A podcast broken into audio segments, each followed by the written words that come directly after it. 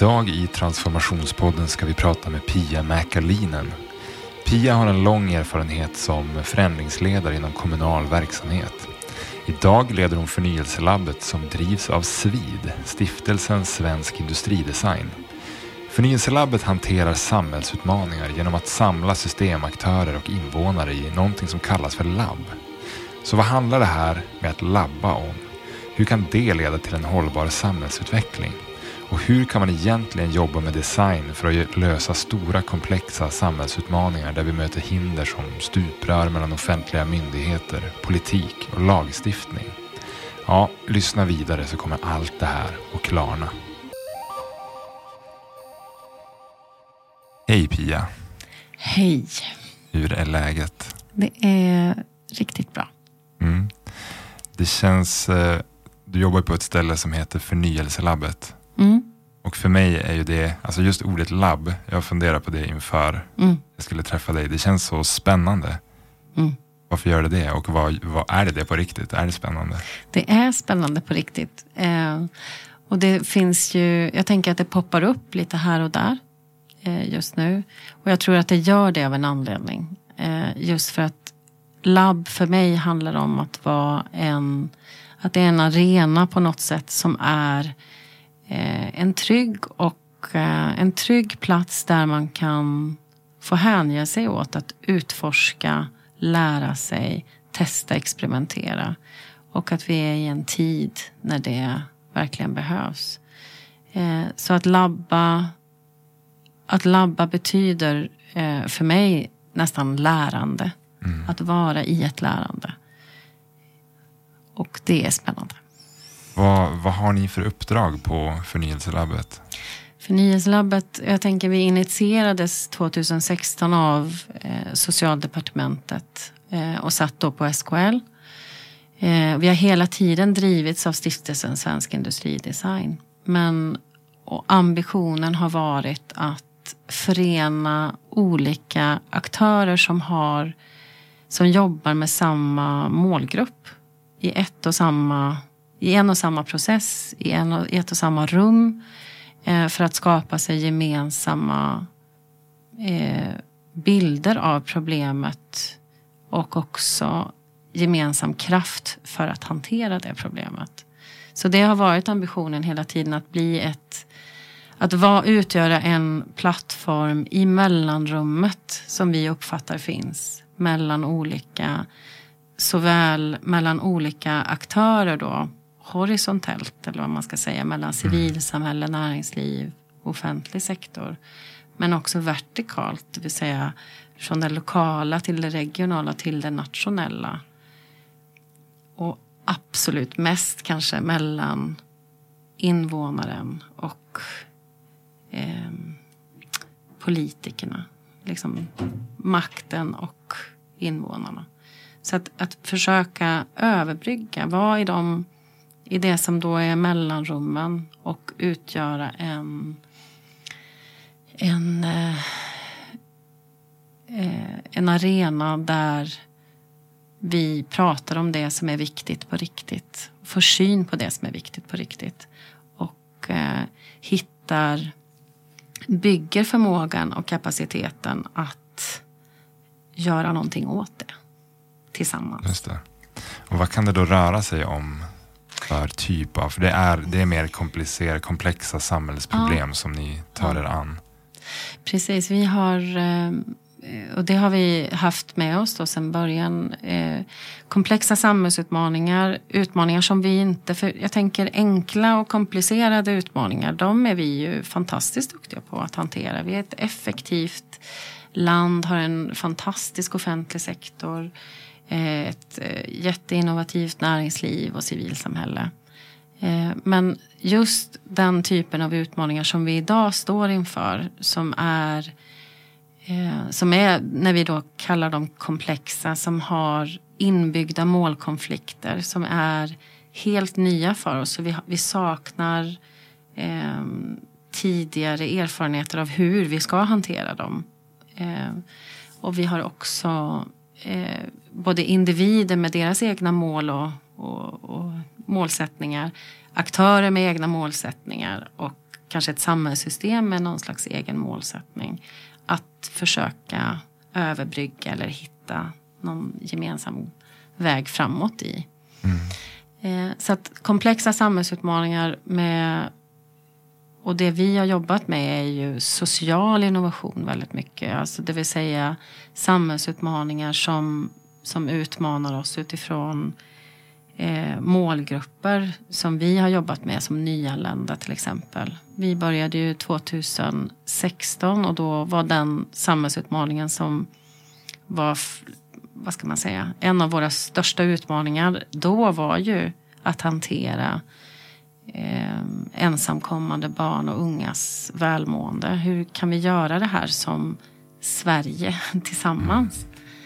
Eh, så det, har vi, det var så vi började och nu, jag tänker det vi, den typen av utmaningar som vi tror att vår process nu är redo att hantera. Det är ju den typen av eh, utmaningar som ingen egentligen kan lösa på egen kammare.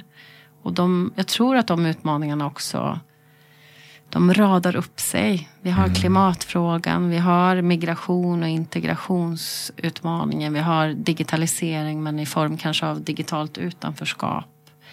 Ehm, och den typen av frågor tror jag att vi måste hitta nya sätt att eh, eller vi måste hitta nya både arbetssätt och nya förhållningssätt i det. Just det. Den här uh, processen som du, som du berättar att ni har mm. för att hantera det här. Hur ser den ut? Processen är eh, i stort sett så är det ju, vi jobbar ju med design och system, designmetodik kombinerat med systemperspektiv. Så vad vi gör egentligen är att vi får ett uppdrag eh, vi har haft uppdrag från till exempel Skolverket. Vi har haft uppdrag från UNHCR. Eh, men vi har också haft de, de eh, nyanlända labb som vi nu gör. Som vi finansieras av Arvsfonden för att göra. De, då får vi en uppdragsägare, en SKL-medlem som hör av sig till oss och säger att det är den här utmaningen vi står i. Mm. Eh, och det vi gör då det är att vi hjälper dem att vi bistår dem i att försöka definiera den utmaningen så gott som möjligt. Och börjar egentligen vår process med att eh, göra observationer, vara på plats, börja se vilka aktörer är involverade i den här utmaningen. Eh, börja träffa målgruppen, börja träffa de aktörerna som finns runt målgruppen och jobbar med dem. Eh, och skapar oss en bild gemensamt med uppdragsägaren. Mm. Eh, som vi tillsammans sen fördjupar i flera steg med vår designmetodik kan man säga. Så att det här eh, att, eh, att vi kan göra labb och har gjort labb både eh, vad ska man säga i, ett, i det första svenska Policylabbet då, som startades 2016 av socialdepartementet. Då vi satt på SKL och var mer, liksom, hade mer av en nationell utblick. När vi gjorde uppdraget för UNHCR så var det ju samma sak. Att det var hur gör vi de två första veckorna för, för eh, ensamkommande så bra och sömlösa som möjligt. Många olika aktörer tillsammans. Eh, och det var också en nationell process med nationella Eh, instanser men vi gjorde testbäddar som var lokala. Där också myndigheternas myndighetsutövningen mötte den, den lokala eh, praktiken och invånarna. Det är ju där de mm. finns. De är ju i det lokala. Så att bygga ihop de delarna är någonting som vi gör oavsett om vi är lokalt i Österåkers kommun där vi har varit eller i Botkyrka eller i Degerfors Eh, under våren nu ska vi vara i Malmö. Så att oavsett om vi är i en lokal kontext och utgår därifrån eller om vi då har ett uppdrag som är av mer nationell karaktär så försöker vi få ihop de där delarna. Och aktörs, gör aktörskartor. Vilka aktörer är det som är viktiga? Eh, hur ser den här utmaningen ut för dem? hur ser vardagen ut för målgruppen? Och så visualiserar och paketerar vi det för att ha ett bättre analysunderlag egentligen. Vi skapar alltid en arbetsgrupp av några nyckelpersoner som är med i den analysen. Så vi gör inte, vi gör med de som vi mm. gör labb med. Vilket jag också tror är en, en framgångsnyckel i det här. Att eh, bidra med en process och bidra med ett ramverk för att tänka nytt. Men också bjuda in till ett samtal och till ett, eh, ett utvecklat lärande mm. mellan de som är med i labbet. Just det. Och en, en del av den, ja, man kanske ska kalla det verktygslåda som ni använder är ju då design eller mm. kanske tjänstedesign. Mm. Men vi pratade här innan lite grann och då frågade jag, räcker det med, med design? Alltså mm. räcker det som, mm. som verktygslåda? Men jag tänker att design är ju en, eh, det är en jätte jag tror att det är, en, det, är en, eh, det är en resurs som vi behöver bygga ut och som jag tror också kan vara en både på individplan och organisationsplan så hjälper den oss att eh, arbeta på ett annat sätt och att förhålla oss till förändring tror jag på ett annat sätt. Eh, och jag kan, jag kan uppleva att eh, designmetodiken, det finns eh, eh, jag tänker, man pratar ofta om eh, att man, liksom, man börjar utforska, man, man öppnar upp, man tittar på liksom många olika delar, man avgränsar sig allt mer, man börjar testa och iterera och så kommer man fram till en, en värdeskapande eh, produkt. Mm. Både i det att, att ha verktyg för hela den eh, processen får man ju genom design. Men också ett sånt, det är det jag menar med förhållningssätt. Att, att inte tänka att här ser vi utmaningen och här löser vi den. Utan mm. här ser vi utmaningen och den behöver vi förstå ännu bättre innan vi ger oss i kast med att lösa den. Den typen av förhållningssätt tror jag vi vinner så mycket på. Eh, om vi ska om vi också ska jobba smartare och eh, ha en hållbar, eh, ha ett hållbart samhälle. Eh, så att design är absolut, tänker jag, en, en framgångsnyckel, en framtidsnyckel. Men jag tror inte heller att det räcker i sig. Bara i vårt labbteam så har vi ju kombinerat designtjänster. Då har vi designers från Konstfack och HDK men vi har också eh, en resurs. Eh, han kommer direkt ifrån BO där han har suttit med som statistiker. Och den analysförmågan och den bredden som det har gett. Jag har en bakgrund som pedagog, eh, förändringsledare. Ehm, och det tror jag kombinerat. Vi har haft en kulturgeograf som har jobbat hos oss. Så att jag tänker, vi ser den där bredden som en jätte, jätteviktig bit i att också kunna kanske hantera olika perspektiv som vi säger mm. att, att det är viktigt i de här labben. Att bjuda in många olika perspektiv. Men vi måste också nästan kunna spegla det i oss själva. Just det. Så på det sättet så tror jag att det är eh, design, eh, tjänstedesign är, en, är jätteviktigt. Men vi behöver också kombinera det med en ökad kunskap om systemteori, om komplexitet, beteendevetenskap, kultur. Eh, vi jobbar jättemycket gestaltande och liksom använder kultur, tänker jag, eller en triggers som är eh, gestaltande material eller visualiserande. Och det i sig gör ju jättemycket med förståelsen i de här mm. labbprocesserna. Så vi behöver nog en arsenal av många, många olika kompetenser tror jag. Hur många är ni? Slår det mig? ja, vi är 50 stycken. Nej, vi är fem stycken ja, i vårt labb. Just det. Så att det är, eh, men vi gör så gott vi kan att verkligen ha spridda mm. kunskaper i det. Jag tycker det lät spännande med det här system mm. eh, systemtänkande. Ja. Jag, för några år sedan så läste jag en bok om systems thinking. Ja. Och kom ihåg att jag tänkte att det här har jättemycket potential att mm. hjälpa mig. Men mm.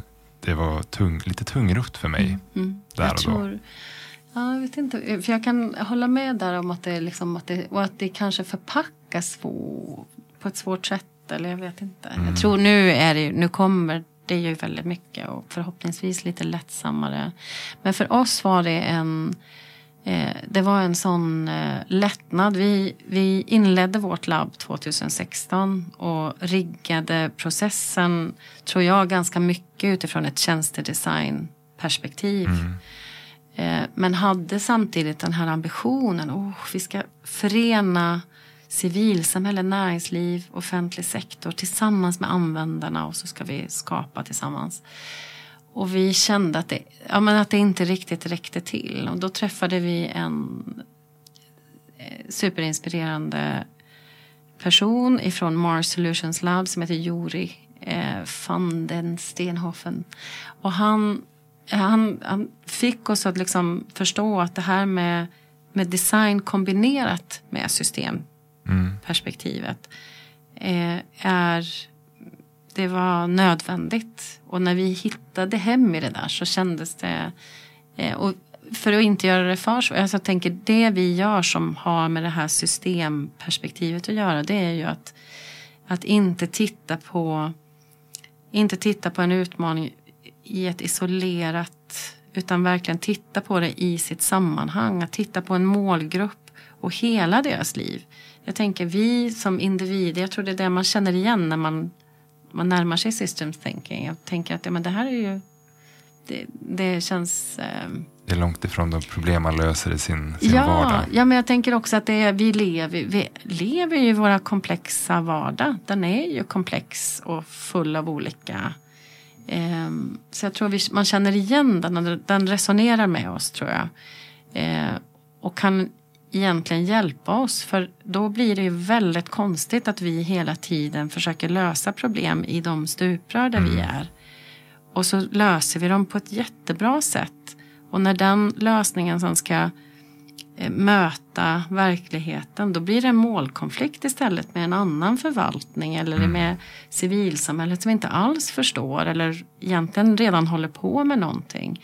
Så att det vi gör är ju egentligen att att bara vidga och se, se utmaningen ur dess många olika dimensioner. Och för oss har det hjälpt jättemycket. Att, att användaren är viktig, men vi har också praktikerna som jobbar runt dem. Som mm. är jätteviktiga att förstå. Hur ser deras arbetsvardag ut? Och hur ser beslutsfattarnas vardag ut? Hur ser invånarnas vardag ut när policy eller lagstiftning når dem? Vad är det som händer med dem då? Vilka...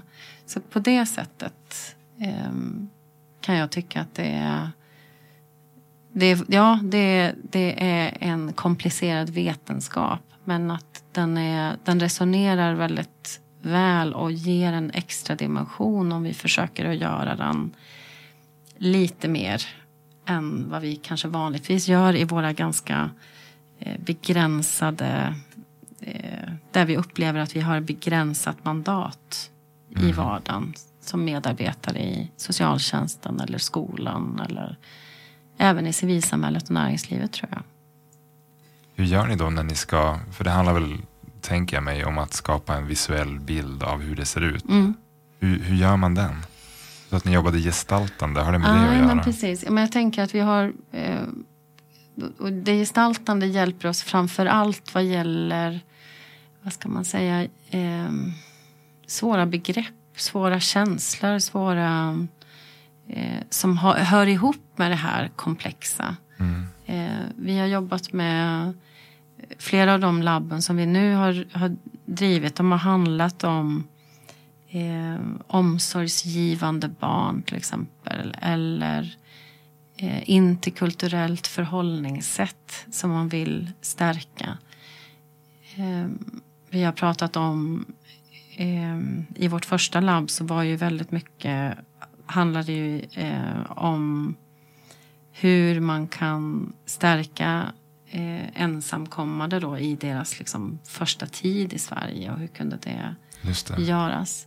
Men, eh, men det jag tänker är att det hela tiden handlar om att försöka få eh, flera historier egentligen. Jag tror vi samlar på historier.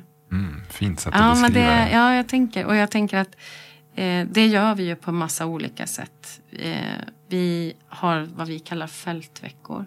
Mm. Och fältveckorna är ju, även om vi har fått ett uppdrag ifrån utbildningsförvaltningen i Degersfors så är det inte så att vi bara hanterar eh, utbildningsförvaltningen. Vi sitter inte bara där och vi är inte bara i skolan utan vi dimper ner på fritidsgården. Vi är och gör observationer i centrum. Vi pratar med fotbollstränarna. Vi pratar med eh, den lokala ICA-handlaren. Alltså den typen av att börja och se hur, hur får den här utmaningen, hur ser man på den här utmaningen från flera olika håll? I det så ligger det också korn av både insikter om vad den här utmaningen faktiskt handlar om. Mm. Men också en massa insikter om hur den skulle kunna hanteras bättre. Och hur man kanske själv skulle vilja bli engagerad i att lösa, eller lösa kanske vi inte ska säga, men att, att vara en del av en lösning. Just det. Det tror jag. Man skapar ett engagemang genom den här första utforskningen av hela systemet. Mm. Du nämnde ett, ett, annat intressant ord här tidigare som är policy. Just det. Och det är, alltså policy design är ett begrepp som jag har stött på tidigare mm. utan att egentligen dyka ner i det. Så det vore mm. spännande att höra din, din bild av det och hur det hänger ihop med vad ni gör med de här komplexa samhällsutmaningarna. Precis. Jag, jag tänker att vi, när vi startade, vi, har, vi startade som ett policy lab. Och policy lab har ju varit, eh, jag tänker att när vi startades så var det en jag tror att det var en trigger till att vi blev ett policylabb. Var att man hade sett det här göras runt om i Europa och haft, att det hade haft väldigt fina resultat. Och där är det ju ofta att man UK Policy Lab till exempel, Mars Solutions Lab som jag nämnde förut, eh, 27 regionen i Frankrike. De använder design, antropologi, beteendevetenskap för att ehm, eh, för att synliggöra eh, de problem som finns. Eh, men man har också då haft eh, framgångar i att när man vet vad behovet är då kan man ju komma till mycket mer värdeskapande innovation. Och en del av innovation är ju, när jag tänker på policy så tänker jag att det är juridik. Det är mm. våra lagar och regler som vi har att förhålla oss till. Det är de strukturerna som håller uppe samhället. Och som ofta kanske begränsar de här komplexa utmaningarna. Exakt, de kanske inte är helt, alltså det, det räcker inte helt till i det här som då är, det är snabbt uppkommande, det är inte riktigt eh, vi har ingen eh, tidigare erfarenhet av utmaningen så som den kommer upp. Eh, och logiken tänker jag, vi, vi, ska ju också bevara för att, att juridiken har sitt kanske lite mer fyrkantiga sätt det spelar ju en stor roll för att det också blir rättstryggt och att det, vi vet hur de processerna ser ut. Men det, jag tror att det finns ett jättebehov av att fundera kring hur juridik, både hur det ska läras ut och hur det kan praktiseras i de här lite mer komplexa samhällsutmaningarna. Och vi har, vi har jättespännande diskussioner i, i vårt labb men också i det labbnätverk som vi har eh, haft igång sedan 2017 där många av de policylabb som har startats av Vinnova finns, finns med. Och där finns det ju jurister då som har varit med och drivit de här policylabben. Eh, och där vår diskussion handlar egentligen om hur får vi juristerna att vara med från början så att man både förstår hur den här utmaningen faktiskt spelar roll i människors liv och när lagstiftning möter invånaren mm. i det gränssnittet egentligen att Eh, om det inte möter och ger ett värde eller på något sätt det gör mitt liv svårare eller mm. så. Det behöver man tror jag. Man behöver förstå och se det lite tydligt. Eh, för att också vara där i en mer en möjliggörande funktion. Att bli en möjliggörare för ännu bättre lagstiftning att växa fram. Men det handlar också för mig om att fundera kring lagstiftnings och regelgivningsprocessen överlag. Hur kan vi... Finns det någon möjlighet att eh, fundera kring om man kan kombinera eller komplettera till exempel våra ganska långa utredningar, eh, beredningsprocessen egentligen eh, inom regeringskansliet med att den här frågan, den lämpar sig, den här behöver vi verkligen utreda. Eller den här frågan, vi skulle kanske också kunna sätta den i ett labb och så kan vi testa, experimentera oss fram till ett antal lösningar som verkar ge ett bra värde. Och så är det också en del av ett underlag för beslutsfattare på departement eller inom i, i riksdagen egentligen för att sen ha ett bättre beslutsunderlag. Men att inte så ensidigt se att bara utredningar är sättet vi lär oss. Utan vi kanske kan göra för att lära oss mm. i ökad utsträckning. Hur stort är modet där idag? Vågar vi labba runt lagstiftning? Jag tror att där är, jag tror att vi, ja men jag tror absolut att vi kan utmana det. Och jag tror att, att utmana det genom att bjuda in till den här typen av processer, att få uppleva den här typen av processer. Eh, vad ska man säga, småskaligt men också för, jag tror att när man är med om ett labb och är med om en sån här process så kan man se värdet av det. Men jag tror att om man eh, och då måste man få, då måste man bli inbjuden tänker jag i sin juristfunktion eller i sin controllerfunktion. Jag tror också att det här handlar ju om mycket av det vi nu ser i de nulägeslabb som vi har gjort. Eh, till exempel i Degerfors. Det handlar ju om att det är, det är förmodligen en juridisk komponent men det är också ett mål och ett målarbete, en målstyrning som vi också behöver påverka. Mm. Som inte är juridiken så men det handlar om så båda de sidorna. Det, det handlar väldigt mycket tror jag, om ett, hur vi styr på ett annat sätt. Men att eh, jag tror att modet är ju en av de utmaningarna vi har. Jag tror det är också modet vi utmanar genom labb faktiskt. Att, att bjuda in till en arena som jag sa från början var är den här en trygg arena där vi kan testa både våra tankar och idéer utan att det är på riktigt gör ju också att det är ingen som kommer till skada i det här första skedet. När vi sen tror oss ha en idé som verkar fungera bra då kan vi testa den i liten skala utanför gör ju vi och hjälper till med. Eh, och då tror jag också att det kan hjälpa tror jag att eh, få fram inte bara det som händer i innovationsprocesser. När jag har lett innovationsprocesser förut. Innan det här med design och, och jag tänker det som designmetodiken gör är att de är visualiserade, paketerade koncept. Det är prototyper som vi redan har testat. Mm. Det är det som kommer ut. Och det tror jag gör, ett, det gör någonting helt annat för en jurist eller en controller eller en politiker lokalt eller regionalt eller nationellt för att ta bättre beslut. Jag tror det är lättare att hantera. Och framförallt nu då om vi pratar om de här komplexa samhällsutmaningarna, svåra, eh, verkligen, och också svåra politiska avgöranden. Ska vi göra så här eller så här? Eh, kan underlättas om man får lite bättre, lite mer eh, kött på benen faktiskt. Man har sett det i en form, inte bara i ett ord eller en beskrivning. Utan jag tror att det kan, det kan bistå och göra det lättare. Mm. Finns det någonting som vi, som vi inte som samhälle skulle kunna labba runt? Jag tror det finns. Vi har ju ett, ett eh, projekt eh, som vi kallar Meet Sweden. Där har ju vi eh, egentligen labbat fram. Vi såg, om jag tar det bara som ett exempel. Eh, i vårt första labb så insåg vi att ensamkommande eh, som kom till Sverige hade enormt svårt att förstå den process de skulle igenom. De hade 200 myndighetskontakter under sina första två år och de kände sig som flipperkulor i det här systemet.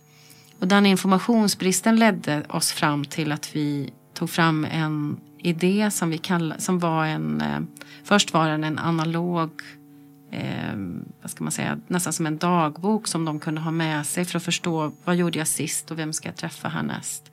Och den blev under ett eh, hackathon en app så att de fick en app i sin telefon och så kunde vi mm. testa den. Men när vi sen fick ta ut den här idén till Sollentuna kommun där vi testade den igen. Då blev det helt tydligt där att problemet är egentligen inte eller problemet att de inte kan liksom orientera sig i sin egen process. Den kände de här, eh, de som jobbade eh, med målgruppen jätteväl igen. Och de kände inte heller att de förstod processen och visste vem de lämnade över till. Och det fanns en tillitsbrist. Så att på något sätt så blev ju den här idén mycket, mycket tydligare även för oss. Vad är det som egentligen här är problemet. Och det är ju att vi stänger in, information tas in flera gånger för att vi inte ska skada integriteten hos våra invånare. Men till slut har vi stängt in den i så många lager att det blir helt omöjligt för mm. i alla fall målgrupper som har oerhört mycket myndighetskontakter att ta sig runt i det här. Så att det gjorde någonting med idén och där började mm. vi testa någonting som, vi, som kallas blockchain-teknologi. Eh, och då är din fråga nu, nu var det en lång in, ingång i det, men jag tänker är det någonting vi inte ska testa? Är det något vi inte ska liksom ut? Och där tänker jag att vi, vi är väldigt nära någonting där när vi nu pratar om ny digital teknik och så vidare. Och jag tror att vi ska, mitt svar är nog ja, vi ska testa ganska mycket. Mm. Men testa det utan att eh, utsätta människor för liksom, någon fara. Eh, och då är ju labb fantastiskt på det sättet. Men eh, sen finns det enormt mycket etiska konsekvenser och, och så vidare som vi måste ta hänsyn till i det framtida samhälle som vi bygger.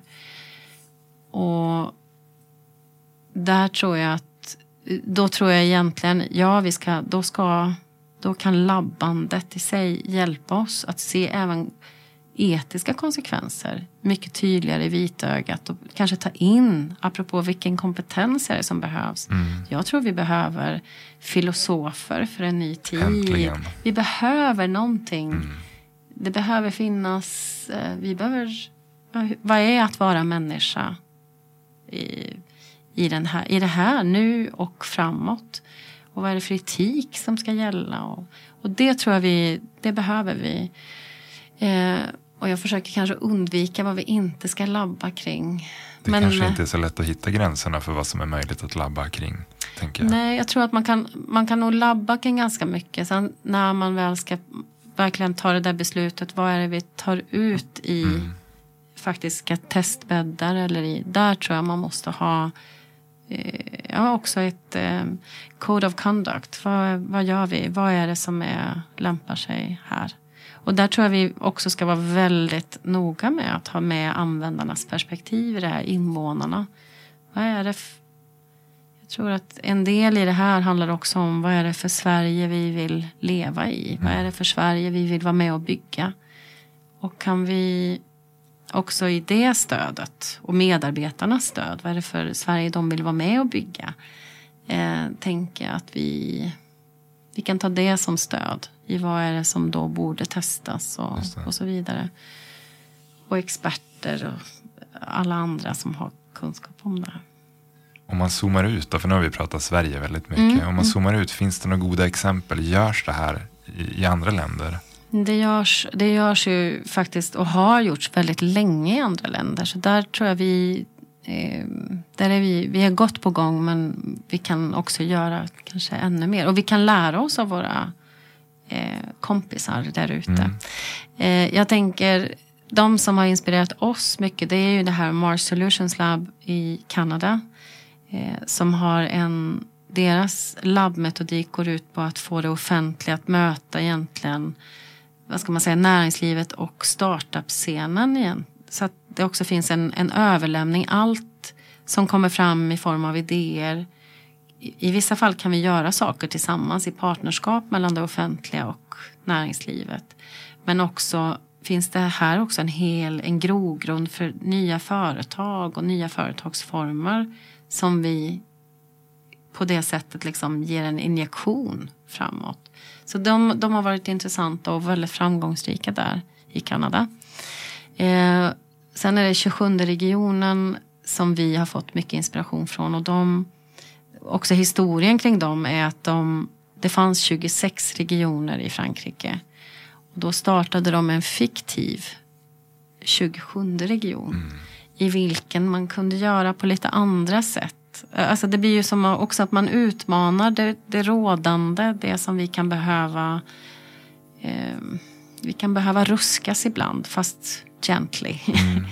och eh, ett annat exempel eh, där Förlåt, man... Var, var, ja, det, var det en tankelek eller, eller grundade man en? Ja, då grundade de 27 regionen och 27 regionen idag är ju eh, en eh, De är ju ett, ett labb men som är väldigt väl integrerat istället i det och gör väldigt mycket uppdrag åt det offentliga och så vidare. Så att man har ju man har gått från att vara den här eh, friendly hackers kallade de sig själva från början. Mm. Och det tror jag man säkert, den identiteten har man säkert kvar. Men man är nu kanske en, lite mer på insidan och hjälper till att ruska om allt eftersom Just i det. det.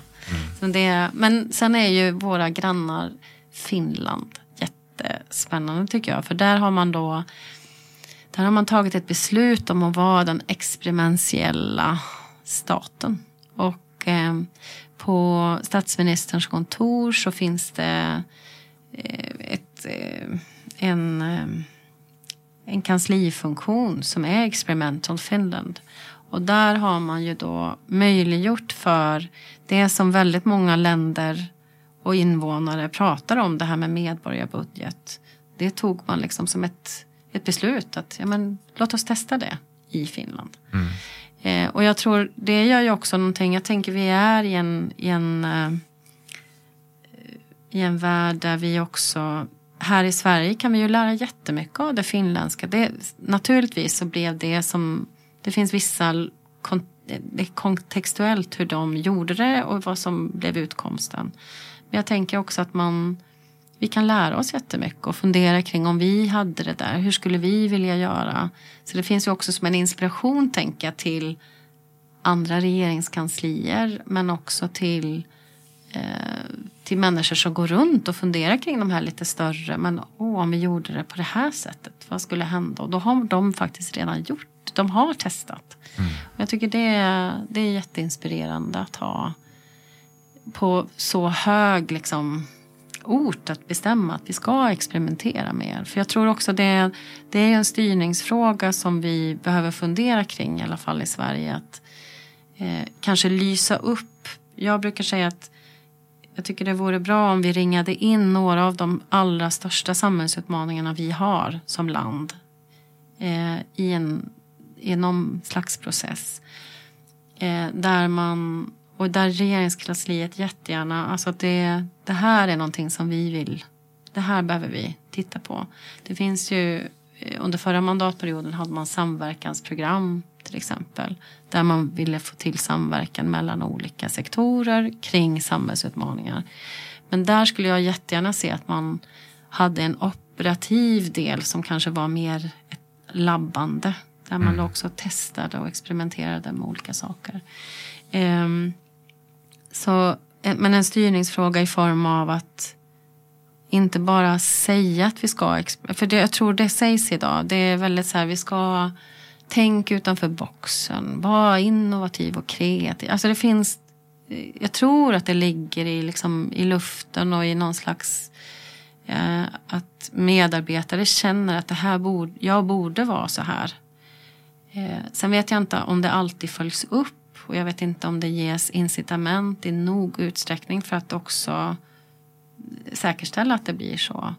Men jag tror att, att när man som stat, som i Finlands fall, liksom kastar sig ut och gör mm. det där. Då, det tror jag blir, det kan nog, det skickar liksom en signal till hela systemet att ah, Och det gör inget om det inte blir superbra. Vi har lärt oss någonting på det. Mm. Det tror jag, hela det förhållningssättet behöver vi ju från det lokala till regionala till nationella eh, vara med och liksom marinera oss i. Att, eh, att se det här med labbande. Jag skulle ju otroligt gärna vilja se det som att labba är just att, eller att göra för att lära. Mm. Eh, och, och, om vi kan få till ett sånt klimat så tänker jag också att det blir lättare att vara människa nästan. Det blir lättare att vara en organisation. Eh, och lättare att vara ett samhälle som håller ihop. Eh, när vi går runt och är rädda för att stretcha oss lite utanför det som känns tryggt. Jag tänker att det, det också gör någonting med oss. Som jag gärna skulle vilja vara där och knuffa i den riktningen. Att, men låt oss, och låt oss göra det tillsammans. Det blir lite mindre skrämmande då också kanske. Om vi inte är ensamma om att våga kasta oss ut och göra något väldigt innovativt. Utan vi gör det i det här labbet tillsammans, vi som är aktörer som har med det här att göra. Och i det finns det, tror jag, en, en potentiell superkraft som vi borde använda mm. mer. Jag tror att många som, som lyssnar på det här kommer bli väldigt nyfikna på, på dig och på mm. förnyelselabbet. Mm. Hur gör man om man vill, vill veta mer, ta reda på mer? Oh, eh, då eh, tycker jag att man ska ta, och, ta sig en titt på vår hemsida. Men där finns också kontaktuppgifter till oss. Och där kan man också läsa mer om, om Svid som organisation. Eh, och Svid som organisation, tänker jag, apropå det här med design, har ju en ambition om att vara med och syresätta den här transformationen till ett mer hållbart samhälle just med design som metoder. Så där kan man också titta på andra projekt som är i lite, i lite liknande anda. Mm. Men eh, hör av er om man är intresserad och eh, vi är ju från 2021 så har ju vi också möjlighet att göra den här typen av labbutmaningar på helt andra utmaningar än de som vi just nu är finansierade att göra. Så det ser vi fram emot att bygga en kapacitet för att göra. Tack så mycket för att du har varit med i Transformationspodden. Tack så hemskt mycket. Tack för att du lyssnar på Transformationspodden. Om du gillar det vi gör så vore det toppen om du ville gå in och eh, ge oss ett eh, betyg. Det hjälper oss att nå ut till fler och kunna fortsätta skapa bra innehåll. Tack så mycket.